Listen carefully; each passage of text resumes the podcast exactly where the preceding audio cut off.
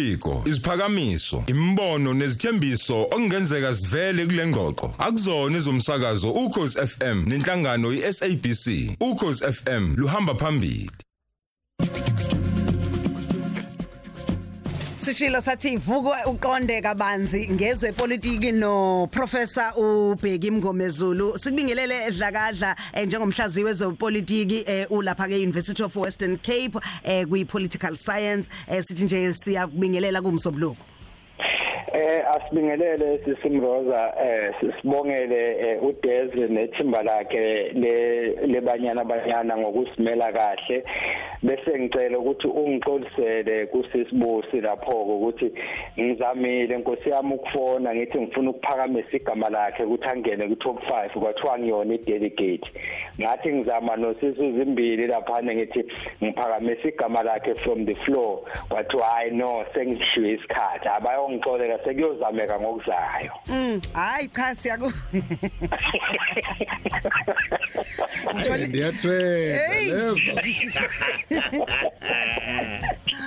Ngithole neindaba zakho ngakini lapha bengingakini lapha ejozini eh kukhona ukhansela konje ukhansela ubani uyana? Uthe kodwa uyamazi uthe ah, wawukopela kuwe njalo wena wamphuca ipeni Nkosi ke lo nkosi yami. Eh yebo yena kahle uthe uthe wawukopela ke wazi wamphuca ipeni esikoleni kubhalwa. Ingakhona wafunda nje wagogodwa wazoba uprofessor yena. Hey. usele nje Namandla ubheka enye umphaka- ingane. ubheka umphakathi namhlanje. Ipeni kuthiwa wamphuca hayi ngizothi ngizothumela ngizothumela usigcemeza ngiyamrecalla with immediate effect. Awugqobele lo phela. lalinani ipeni eyakhala hayi khansela lachaze ukuthi wayifakele lo bhe uthele nje ulibele nje ubheka ukuthi eh, ugesi khona lendaweni intuthuko ifikile indalalo wena uyanqinqaleza uprofessor ave ave ngihlupha lo muntu loyo. Uyabona nje uma ngiyekhaya ngizombizela umhlangano omphakathi cha kulungile dlakadla. Ake sibheke nje ezake phela sonto kuningi kade kwenzeka. Eh, eh, sibuka nje kakhulukazi ingqungquthela ye-ANC la eh, eh, esifundazweni saKwaZulu Natal bekade ikhona obekuqhubeka kanye nodaba nje lukamongameli uRamaphosa. No eh sisimroza nawe mfowethu sigqemeza asike siqale nje ngo- ngokuthi sishayile ihlombe isifundazwe saKwaZulu Natal se-ANC ngokuthi sikwazi ukusingatha inqunquthela ngendlela lena abenze ngayo. Nanokuthi ke kuvunyelwana ukuthi eh, amalungu lawa okuyiwona avumeleke ukuthi avote eh, ak- ukuba bakwazi ukuthi bayilungise yonke leyo nkinga ngoba sabona kwenzeka esifundazweni sasempo sase-Eastern Cape eh, sabona kwenzeka eGauteng ukuthi kwaba nomdonsiswano wadonsa isikhathi eside bona bakwazi ukuthi bayilungise leyo nkinga leyo kodwa uma sesifika kuyona eh, ingqungquthela into okuyiyona ephawulekile lapha okokuqala kube umuzwa eh, walaba kade bekhona lapha iningi labo eh, kade becula iculo lokuthi wenzeni uzuma. Eh, lokho kukutshela ke ngokusobala ukuthi ziningi izinto abangenelisekile ngazo. Kangangokuthi uma ngabe kuya ku- ku- kugcina kuqhubeka singalungi isimo iyona nto ezobalimaza njengobuholi hayi esifundazweni kuphela kodwa kuzwe lonke okufaka phakathi ke nodaba lukamengameli. Udaba lukamengameli lube indida. Okubi ke ukuthi khona abantu lo daba abalithatha ngemizwa behluleke ukuthi balibheke ngobunjalo balo. Iqiniso lapha ukuthi eh, osopolitiki abasitshela ngeqiniso ngoba bafike ba- ba- ba- bathi eh, umengameli eh, uyena ozovala inqunquthela okuyinto ke vele lindelekile njengomengameli we-ANC kwathi kamuva bathi hayi akasezukuza. Babeka into engelona iqiniso bathi kunama prior commitments mabebeka ngo- ngo- ngolimi lwesingisi. Okusho ukuthi kukhona ezinye izinto bese zivele zihleliwe. Uma lokho bekuyiqiniso bekufanele ngabe kwaziwa ingakaqali ingqungquthela ukuthi umengameli angeke akwazi ukuthi eh, ayovala ingqungquthela ngenxa yokuthi kunezinye izinto azenzayo ngokwesikhundla sakhe njengomengameli we-ANC nangokwesikhundla sakhe njengomengameli wezwe lokho bekungelona iqiniso.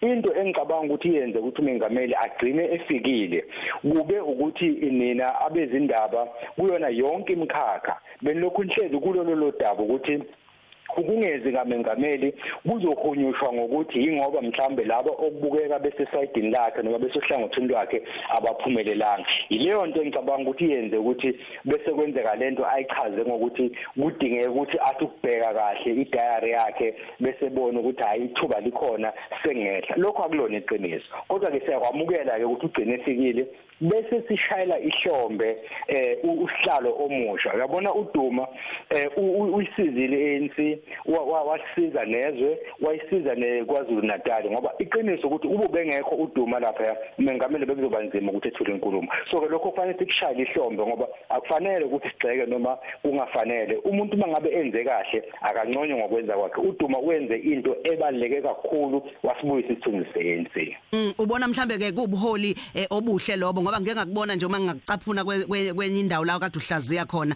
Eh, ubukhuluma nje ngokusho ukuthi umholi kwesinye isikhathi kuyenzeka azalwe eh, kuyenzeka futhi ke mhlawumbe a- kube u- u- u- ucilo ayishaya indukwini no kunjalo dadewethu. Kunabantu abangena ba- ba- babe ngabaholi ngephutha. Kube ukuthi nje umuntu ube sendaweni ekahle ngesikhathi esikahle. Uthi uma ngabe usumbuka indlela ahola ngayo ubone cha lo wayengafanele kuba mholi baningi abaholi abanjalo.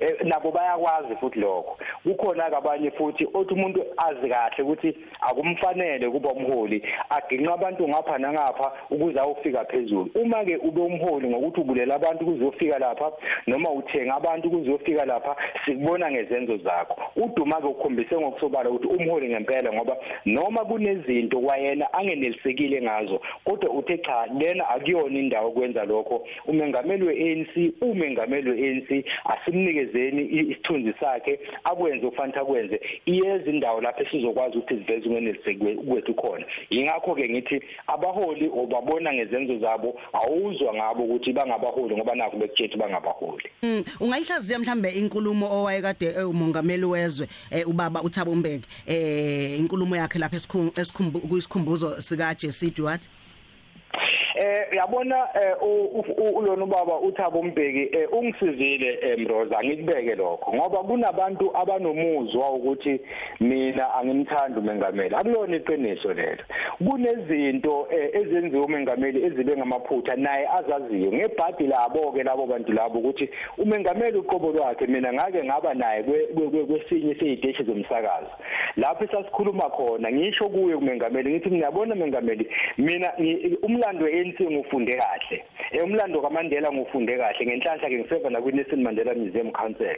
Ngathi mina ezinye zezinto azisho uMandela wathi uma ngabe umholi kunezinto obona kahle ukuthi lena angeke iziyenzeke uma umholi ungazama ukuthi uyifake ngenkande into lo ngoba vela ngeke yenzeke.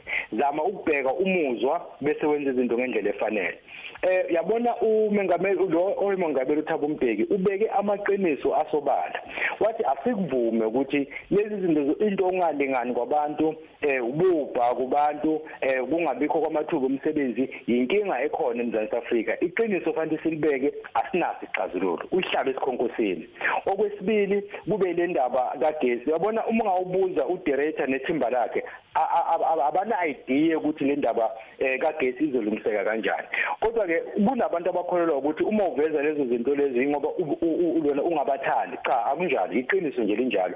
Ngoba kuba bebenezixazululo ngabe zikhona manje. Umbeki ke ukubeke kwacaca ukuthi kunezinto esizethembisa abantu sehluleka ukuzenza. Waze wacaphuna nenkulumo yesizwe ethulwa umengameli ngoFebruary wathi kunezinto azethembisa a- azenzekanga lezo zinto lezo. Iqiniso elisobala lelo ngicabanga ukuthi ke kulokho wenze into befanele yenzeke. Ikhona kuzobonakala amaphutha ukuthi akuphi bese kuzanywa indlela zokuthi alungiseka kanjani. Mhm. Mhlambe nje ngomzuzu owodwa singakakudedeli ukubaleka kwengqungquthela yemigomo yeANC ngempela sonto esiyakuyona zobe zidlana imilala lapho dadewethu ngoba njengoba umengameli evikelekile nje esifundazweni uma kufika kwi-policy conference inqungquthela ye-ANC ilapho khona ke kuzobuya khona lo daba luka step aside ngoba iyona ndaba eseqhulwini njengamanje. Nezinye ke izinto eh, elona eziphathelene nawo ugesi eziphathelene nokukhuphuka kapetrol nokuthi amaqhinga kahulumeni athini ukuxazulula lezi inkinga lezi. Ilapho kuzoshisa khona ke engicabanga ukuthi noduma kuyoba nzima ukuthi avikele abaholi ngoba kuyobe kuyindawo vele lapho kufanele ku- ku- kudingidwe khona?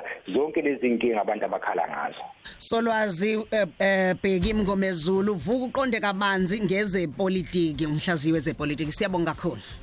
Asibonge sesimroza sibonge kubhuti usigqemeza bese sibonga nakubalaleli